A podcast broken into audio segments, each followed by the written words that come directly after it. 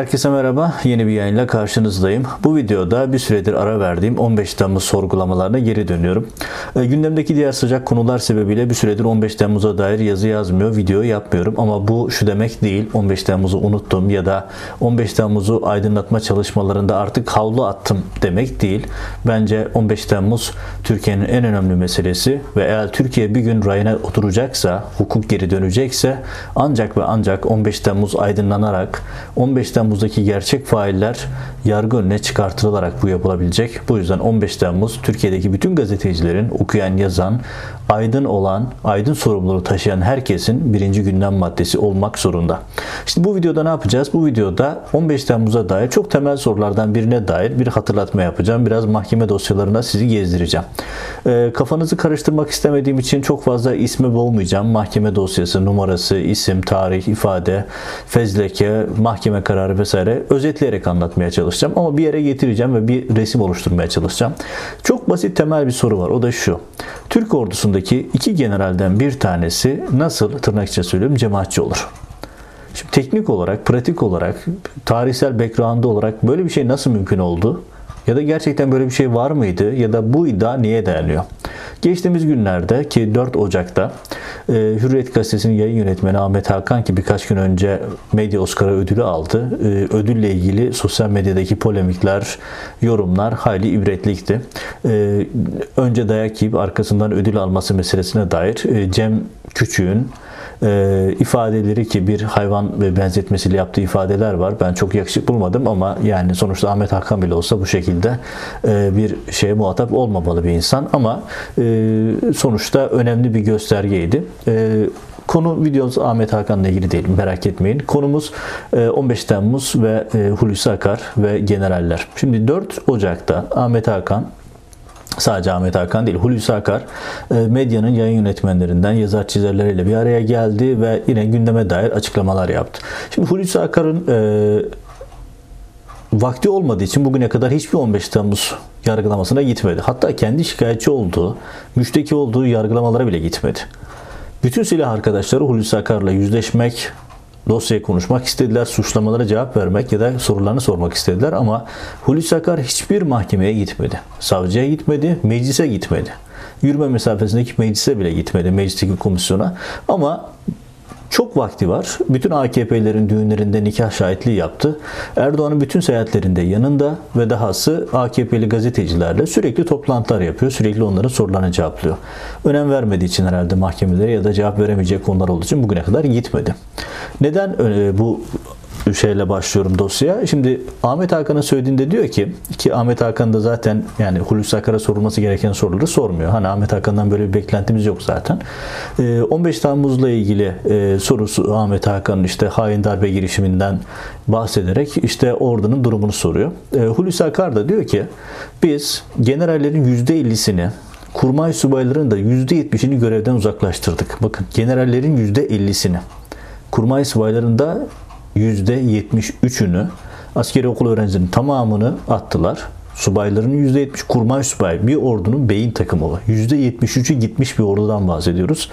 Ve %50 generallerin %50'sini attık. Buna rağmen çok çabuk toparlandık diyor.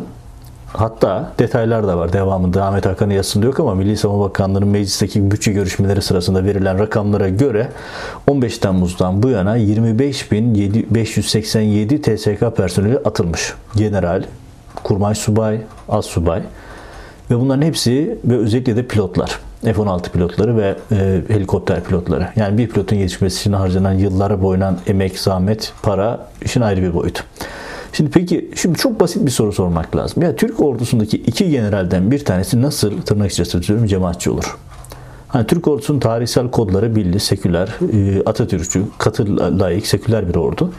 Yani bütün kodları böyle, tarihsel kodları böyle, NATO'cu çoğunlukla. Bir grup Perinçekçi ve bir grup e, ulusalcı ekibin olduğu biliniyor. Ergenekon balyo sorgularında bunları gördük. Ama nasıl oluyor da iki generalden bir tanesi cemaatçi suçlamasıyla TSK'dan atılıyor?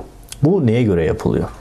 Ve dahası bu operasyonlar hiç bitmiyor. Daha birkaç gün önce Oda TV'den Müyesser Yıldız ki bence 15 Temmuz'a dair en yoğun çalışmayı yapan birkaç isimden bir tanesi bir yeni bir yazı yazdı. Son dönemde birkaç general emekliliğe zorlanmış.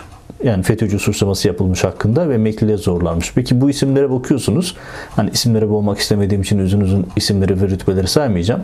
15 Temmuz'dan sonra Tu General ve Tüm General yapılmış isimler bunlar. Yani darbeye karışmadığı ve darbe sonraki faaliyetleriyle ilgili zaten çok net terfi etmiş çünkü. Ama şimdi bir ihbar geliyor. Bu ihbar üzerinden sorgusuz sualsiz direkt olarak ihraç ediliyor ya da emekliliğe sevk ediliyor ya da zorlanıyor. Tabi buna dair çok uzun şeyler söylenebilir. Yani bir ihbarla bir insanı çok rahatlıkla suçlayıp onun hayatını karartmanız mümkün. Erdoğan Türkiye'sinde bunlar mümkün. Bir şimdi geri dönelim temel soruya gelelim. Şimdi TSK'daki iki generalden bir tanesi cemaatçi ise biz 15 Temmuz akşamında Harbiye askeri okul öğrencileriyle bir günlük, beş günlük erlerle yapılan darbe mizanseni neyin nesiydi? Yani bu 15 Temmuz videosu değil. 15 Temmuz'a dair sayısız yazı yazdım, video yaptım. 15 Temmuz bana göre bir askeri darbe falan değildi. 15 Temmuz hazırlıkları uzun yıllara dayanan bir istihbarat operasyonuydu ve bizzat hani Gülen cemaatinden olduğu iddia edilen insanların darbeye karışmış olması bunun bir istihbarat operasyonu olduğu gerçeğini değiştirmez. Aksine tam da onu oturtur. Özellikle Adil Öksüz'ün tek başına Adil Öksüz'ün varlığı 15 Temmuz'un bir istihbarat operasyonu olduğunu delilidir. Buna dair ayrı videolar yaptım. Ona şimdi tekrar dönmek istemiyorum. Peki şimdi gelelim e, generaller meselesine. Şimdi burada e, 358 generalden 240'ı nasıl cemaatçi oldu ki bu 240 rakamı daha sonra artı birebir %50'ye denk geldi.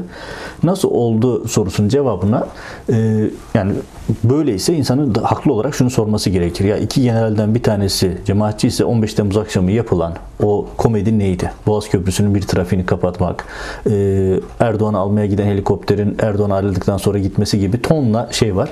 E, Ankara'da kaybolan tanklardan tutun yani dediğim gibi 15 Temmuz'da o 250 şehit olmasa 15 Temmuz'a dair bir komedi filmi çekilir. Çünkü gerçekten bir komedi malzumesiydi olaylar. Ama işin içerisindeki işte kan aktığı için e, olay bambaşka bir boyuta geçti. Şimdi gelelim e, biz 250 e, şey Türk ordusundaki iki generalden birinin nasıl cemaatçi olursun cevabını nereden bulacağımıza. Bunun cevabı Ankara'daki mahkemelerde var. Yani Türkiye'de gazeteci olab Türkiye'de çalışabilseydim şu anda sürgünde olmasaydım yapacağım şey 15 Temmuz davalarını izlemekti. Çünkü mahkeme dosyalarında inanılmaz detaylar var ve aslında soruların cevapları orada var. Ben uzaktan ulaşabildiğim kadarıyla yoğun bir şekilde dosyaları incelemeye çalışıyorum. Mesela şimdi Ankara 17, 23 ve 25. Ağır Ceza Mahkemelerindeki yargılamalardan size kesitler aktaracağım şimdi. Bu fiş, ve şu net ortaya çıkıyor. 15 Temmuz'daki ne yaptığınızın yani bir, bir TSK personeli olarak 15 Temmuz'da ne yaptığınızın hiçbir önemi yok. Dünyanın öbür ucunda askeri ateş olabilirsiniz, NATO görevinde olabilirsiniz, tatilde olabilirsiniz, evinizde yatıyor olabilirsiniz ya da mesela Gata'da komada olan daha sonra darbeci diye tutuklanan müebbet alan isimler var. E, sayısız örnek var. Darbecilerle çatışabilirsiniz. Darbecilerle çatıştığınız halde darbeci diye tutuklanabilirsiniz. İşte Yüzbaşı Akın örneğinde olduğu gibi. 15 Temmuz'da ne yaptığınızın hiçbir önemi yok. 15 Temmuz'a dair bütün yargılamalar, suçlamalar, cezalar 15 Temmuz öncesi yapılmış fişlemelere dayanıyor. Ve bu fişlemeler yıllarca yapılmış. Özellikle de 2015'te çok yoğunlaşmış. Şimdi oraya geleceğiz. Ben bu bahsettiğim detayları, edeceğim detayları Ankara'daki 17, 23 ve 25. Ağır Ceza Mahkemesi tutanaklarından okuyacağım size. Şimdi fişlemelere baktığınızda 3 koldan yapılan bir fişleme listesi görüyorsunuz. Bunlar mahkeme kayıtlarında var. Açık merak eden görebilir. 3 kollu bir fişleme yapılıyor. Özellikle askeri e, kesimde. Bir tanesi İzmir ekibi denen bir ekip var. Bir tanesi yandaş medyanın, havuz medyasının çok sevdiği Zeki Uçok var. Sürekli ekranlara çıkıp e, astronomik rakamlar veriyor. Bir diğeri de yüksek yargı ekibi var. Şimdi bunlar kimlerden oluşuyor ve neler yapmışlar? Mahkeme tutanaklarından özetleyerek anlatacağım. İzmir ekibinin başında askeri casusluk davasından ismi bilinen Metin şey Mehmet Yüzbaşıoğlu var. Albay. Albay Mehmet Yüzbaşıoğlu'nun savcılık ifadelerini, mahkeme ifadelerini tek tek okudum.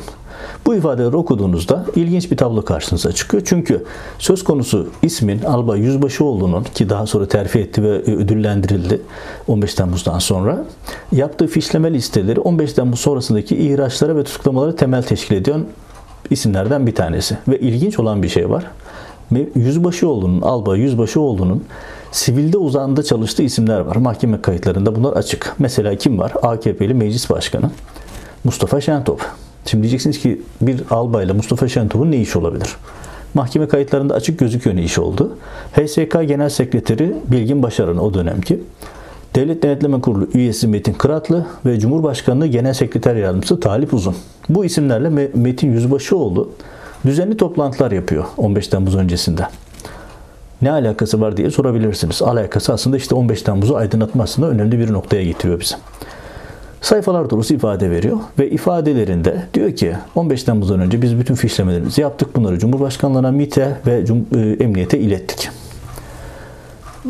Peki Yüzbaşıoğlu böyle diyebilir albay. Ne yapacağız? Sağlamasını yapacağız. Sağlaması ne? Mustafa Şentop'un ifadesi. Mustafa Şentop savcıya verdiği ifadede diyor ki evet biz kendileriyle görüştük. Hatta e, İzmir ekibiyle sıcak, yakın temasta olduğunu 15 Temmuz öncesinde hatta sonrasında da e, kendilerinden tırnak içerisinde söylüyorum çok faydalı bilgiler aldık diyor. Kasım 2015'te başlamış Mehmet Yüzbaşıoğlu ile Mustafa Şentop'un çalışmaları. Yani aylar süren fişlemeler var ve bu fişlemeler 15 Temmuz'dan önce e, Mayıs ayı gibi bitiriliyor. İzmir ekibinde özellikle başka bir isim daha var. Albay Nurettin Alkan ve Albay Güven Şaban. Bu isimler yine Şentop ve Kıratlı ile Metin Kıratlı ile yakın çalışmışlar. Şimdi bir de Albay Zeki Üçok ve emekliler grubu var. Şimdi ben birazdan e, aralarda size ekrana bu pişlemelerden örnekler koyacağım. Mesela ismin karşısında işte Zeki Üçok'tan gelen liste, ismin karşısında Metin Yüzbaşıoğlu'ndan gelen liste, isim karşısında Güven Şaban'dan gelen liste diye göstereceğim şimdi size bunların ekrandan hepsini getireceğim.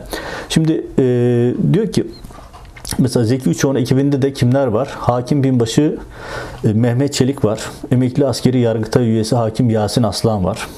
Mesela Yasin Aslan'ın mahkeme ifadesinden okuyorum. Diyor ki 15 Temmuz'dan darbe girişiminden önce biz Cumhurbaşkanı ve ilgili makamlarla bunları paylaştık. 15 Temmuz'dan sonra da beni çağırdılar. Sık yönetim emri ve görevlendirmelerindeki askeri hakimlerle ilgili bilgilerimizi anlattık diyor. Yani hem öncesinde hem sonrasında bir e, istişari heyet çalışması devam ediyor. Mesela Askeri Yüksek İdare Mahkemesi albaylarından Metin Ulukanlıgil, Hulusi Gül, Zafer Yağlıoğlu bu isimler de çok yoğun bir şekilde fişleme yapıyorlar ve bu işleri sivil makamlara iletiyorlar. Mesela Askeri Yüksek İdare Mahkemesi üyesi e, Kenan Kenan Kenan Albay e, yıllar öncesinden başlayarak bildiği isimlerin fişlemesini yapıyorlar. Ve bu isimler mesela diyor ki ben bu isimleri hazırladım. Askeri Kara Kuvvetleri Personel Başkanı Ömer Şevki Gençtürk aracılığıyla ilettim. Bunlara da Cumhurbaşkanlığına iletildiğini biliyorum diyor.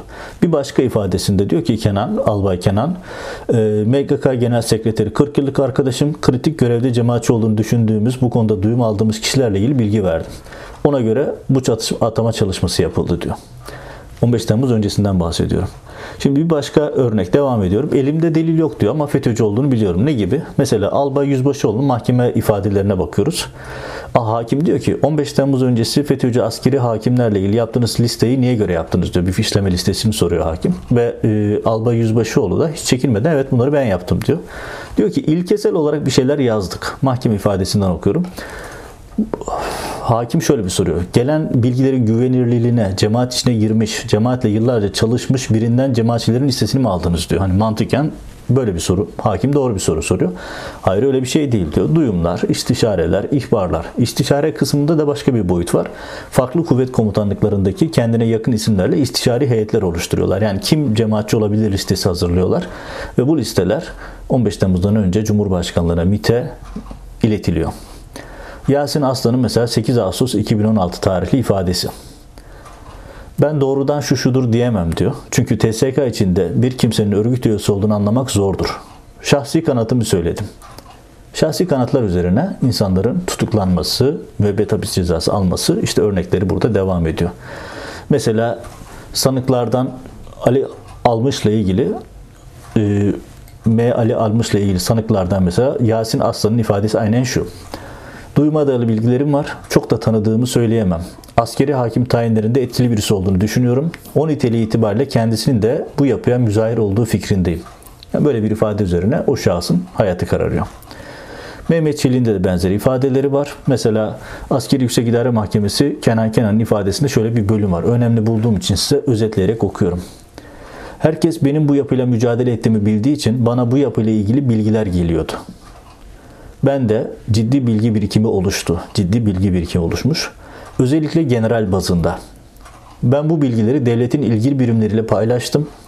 Bana bildiklerimiz kimler var dediklerinde söyledim. Ben de şunlar şu ile ilgili dedim. Tabii ki elimde bilgi belge yok. Kimse kimlik kartıyla dolaşmıyor. Fethullah kimseye kimlik kartı vermiyor. Ben de bildiklerimi tabii kanaat olarak ve duyum olarak ilettim. Elimizde ispat bilgisi yok. FETÖ'cü diyemem ceza hukuku anlamında. Ve ama en ilginç yorumu da ee, yine fişleme listelerinde ismi olan, e, imzası olan isimlerden Metin Ulukanlıgil yapıyor. O da diyor ki delil gösterdiğinizde mahkeme huzurundan olan şeyler bunlar. Delil göster dediğinizde ben size delil gösteremem. Ama bir takım şeyleri hissederek söylüyorum. Hani hissetmek demek ki sadece AKP'li bakanlara özgü değil, e, bir takım generallere, albaylara da aitmiş. Hissederek söylüyor bunları. Ve bir başka e, isimden e, bakayım. E, Albay Kenan Kenan'ın ifadesinden bir bölüm. Diyor ki ben kimseyi %100 FETÖ'cü, FETÖ'cüdür diye ithamda bulunamam. Ama birileri için %100 FETÖ'cü değildir diyebilirim diyor. Bu ne anlama geliyor biliyor musunuz? Bu şu demek.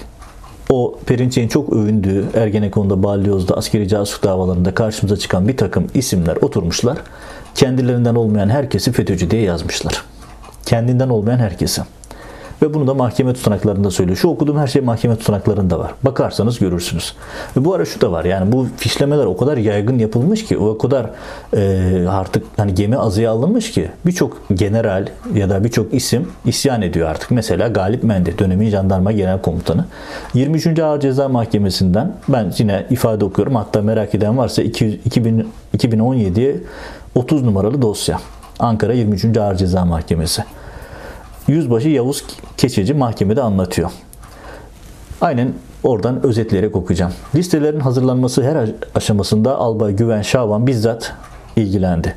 Belirttiğim FETÖ'ye ait listelerin hazırlanmasında Emniyet İstihbarat Dairesi ile sıkı koordinasyon içindeydik. Tahmin edilen kişilerin adları ve telefonları yazılı bir liste hazırlanıyordu. Bu listeyi kurye ile, genellikle kurye bendim, kapalı bir zarf içinde mühürsüz olarak üst yazısız teslim ediyorduk. Emniyet Dairesi tarafından yapılan çalışma neticesinde aynı zarf içinde mühürsüz, imzasız ve üst yazısız olarak bize teslim ediliyordu. Biz mesela hazırlanan liste içerisinde daire başkanımız keyfi değişiklikler yapardı. Kendilerinin şahsi tanımış oldukları bu bizden dedikleri kişileri liseden çıkartıyorlardı. 15 Temmuz darbe girişimine katılmış personelden ihraç olmaları ve açığa alınmaları için çalışma yaptık. Bu çalışmalar birlikte daha önce hazırladığımız listeleri topladık. 500 kişilik bir liste yaptık. Şimdi Yavuz Keçeci'nin ifadesinden bahsediyorum. 500 kişinin ismi bu şekilde hazırlanmış. Albay Güven Şaban ismi ilginç. Peki Güven Şaban'la ilgili bir başka enteresan detay daha aktarayım size. Mesela Güven Şaban savcılık ifadesinde diyor ki Ankara, İstanbul, İzmir başsavcılıkları ve Emniyet İstihbarat Dairesi ile birlikte yakın çalıştıklarını, 850 kişiyi içeren bir personel listesi hazırladıklarını söylüyor. Bir insan 850 tane farklı kuvvet komutanlıklarında farklı rütbelerde bir insanları tanıyıp nasıl fişleme yapabilir ama yapmış. Ve bunu da mahkemede rahatlıkla söylüyor. Hatta o dönem e, Galip Mendi isyan ediyor. Diyor ki ya bir, bir önüne bir fişleme notu geldiğinde diyor ki ya bu yine kimi fişlediniz? Hatta şöyle bir detayı var. E, o dönem e, kendisi e, Galip Mendi hatta şunu yapıyor. E, önüne gelen bir fişleme listesine ki mahkeme evraklarında var bu. Diyor ki bunun e, jandarma içerisindeki çekişmelerle kaynaklı olduğunu düşünüyorum. Bu fişleme listesine inanmıyorum diyor. Galip Mendi. Galip Mendi şu anda nerede ifade veriyor mu bilmiyorum. E, ama bu ifadesi mahkeme evraklarında var. E, Tabi e, mahkemede kendisine bu ifade sorulduğunda Şaban, e, Albay Şaban'a dediklerinde Şaban diyor ki evet zaman zaman böyle ithamlarda bulunuyordu diyor. Ama nasıl oluyor da farklı kuvvet komutanlıklarından bu kadar insanı fişlediklerini sormuyorlar. Devam edeyim. Mesela e, ha, Galip Mendi'nin şeyini de söyleyeyim. E, aynen şunu kendi el yazısıyla yazıyor. Terfiye layıktır. Terfi etmesini istemeyen jandarma içindeki oluşumların emniyetle işbirliği yaparak bu bilgiyi gönderdiklerini değerlendirmekteyim. Yani emniyetten bir isimle ilgili bu FETÖ'cüdür bilgisi geliyor. Galip Mendi de kendi eliyle şerh yazıyor. Bu bilgi jandarma içindeki oluşumların emniyetle birlikte çalışması sonucu oluşmuştur diyor. Tabi yani şöyle bir şey düşün. E, jandarma içinde deniz kuvvetlerinde, hava kuvvetlerinde bir ekip oturuyor, fişlemeler yapıyor. Onu emniyete gönderiyor. Arada kuryeler var. Az önce anlattım. Sonra emniyet bu listeleri istihbarat raporu adı altında genelkurmaya yolluyor. Genelkurmay da bunları ilgili birimlere dağıtıyor ve bu fişlemeler üzerine tasfiyeler yapılıyor, tutuklamalar yapılıyor. Aslında özetle, mantıkla sistem bu. Ve bunların delillerinin hepsi dediğim gibi Ankara'daki mahkemelerde var. Bu ara Albay Güven Şaban isminde bir ayrıntı daha dikkat çekeyim size. O da şu. e, fişleme listeleri hazırlanıyor. Ve bu fişleme listelerinden bir tanesi de göre, sıkı yönetim görevlendirme listelerinde var. Dönemin jandarma ikinci başkanı, şu anki Genelkurmay Başkanı Yaşar Güler'le Albay Güven Şaban çok sık görüşüyor. Aynı kuvvet sınıfında değiller e, ve ast üst ilişkileri yok ama enteresan bir şekilde e, görüşmeleri var. Niye önemli bu? Şu açıdan önemli. Biliyorsunuz 15 Temmuz gecesi karargahta hayatını kaybeden tek isim Yaşar Güler'in emir subayı. Binbaşı Mehmet Kurt yanlış hatırlamıyorsam. O da sık yönetim direktiflerini, görevleri CD içerisinde getirip emri yayınlatması için getiren kişi. En kritik adam karargahta hayatını kaybetti o gece. Soru işaretlerinden bir tanesi. Ama ilginç olan şeylerden bir tanesi şu. Yaşar Güler ile Albay Güven Şaban 15 Temmuz günü görüşüyor. 15 Temmuz günü şimdi fişlemeler hazırlayan isim 15 Temmuz günü karargaha gidiyor ve Yaşar Güler'le görüşüyor. Bu konu mahkemede gündeme geldiğinde hakim sorduğunda kendisine bu konuyu o da diyor ki 15 Temmuz Güven e, Şaban Güven şey Güven Şaban 15 Temmuz'da karargaha gittiniz mi sorusu tanıkları şey sanıklardan birinin ifadesi üzerine geliyor. Albay Şaban diyor ki tanımıyorum. Şimdi düşünün siz bir albaysınız ve Genelkurmay ikinci başkanı. Hani kuvvet komutanlığı genelkurmay ikinci başkanı ne kadar üst seviyede olduğunu düşünün. Siz bir albaysınız ve bir orgeneralle görüşmeye gidiyorsunuz ve 15 Temmuz günü. Ve diyorsunuz ki ben bunu hatırlamıyorum. Yaşar Güler'e acaba fişleme listelerine dayalı bir şey mi verildi? E, bir takım görevlendirme listeleri mi yapıldı o listeler üzerine sorusu önemli bir soru. FETÖ'cü listesi hazırlamakla 850 kişilik liste hazırladım diye övünerek anlatan bir isim nedense 15 Temmuz günü karargaha gittiğini hatırlamıyor. 15 Temmuz'a dair milyonlarca sorulan bir tanesi. Tabi o mahkemelerde başka komediler de var. Yani öyle yani vahim o kadar vahim şeyler var ki komedi dediğim de şuradan geliyor. Yani izahını yapamadığımız için mizahını yaptığımız işlerden bir tanesi. Mesela o fişleme tutanaklarında mesela bir tanesi şu. Diyor ki işte e, bu kişi FETÖ'cüdür diyor. Delil olarak da şunu koyuyorlar.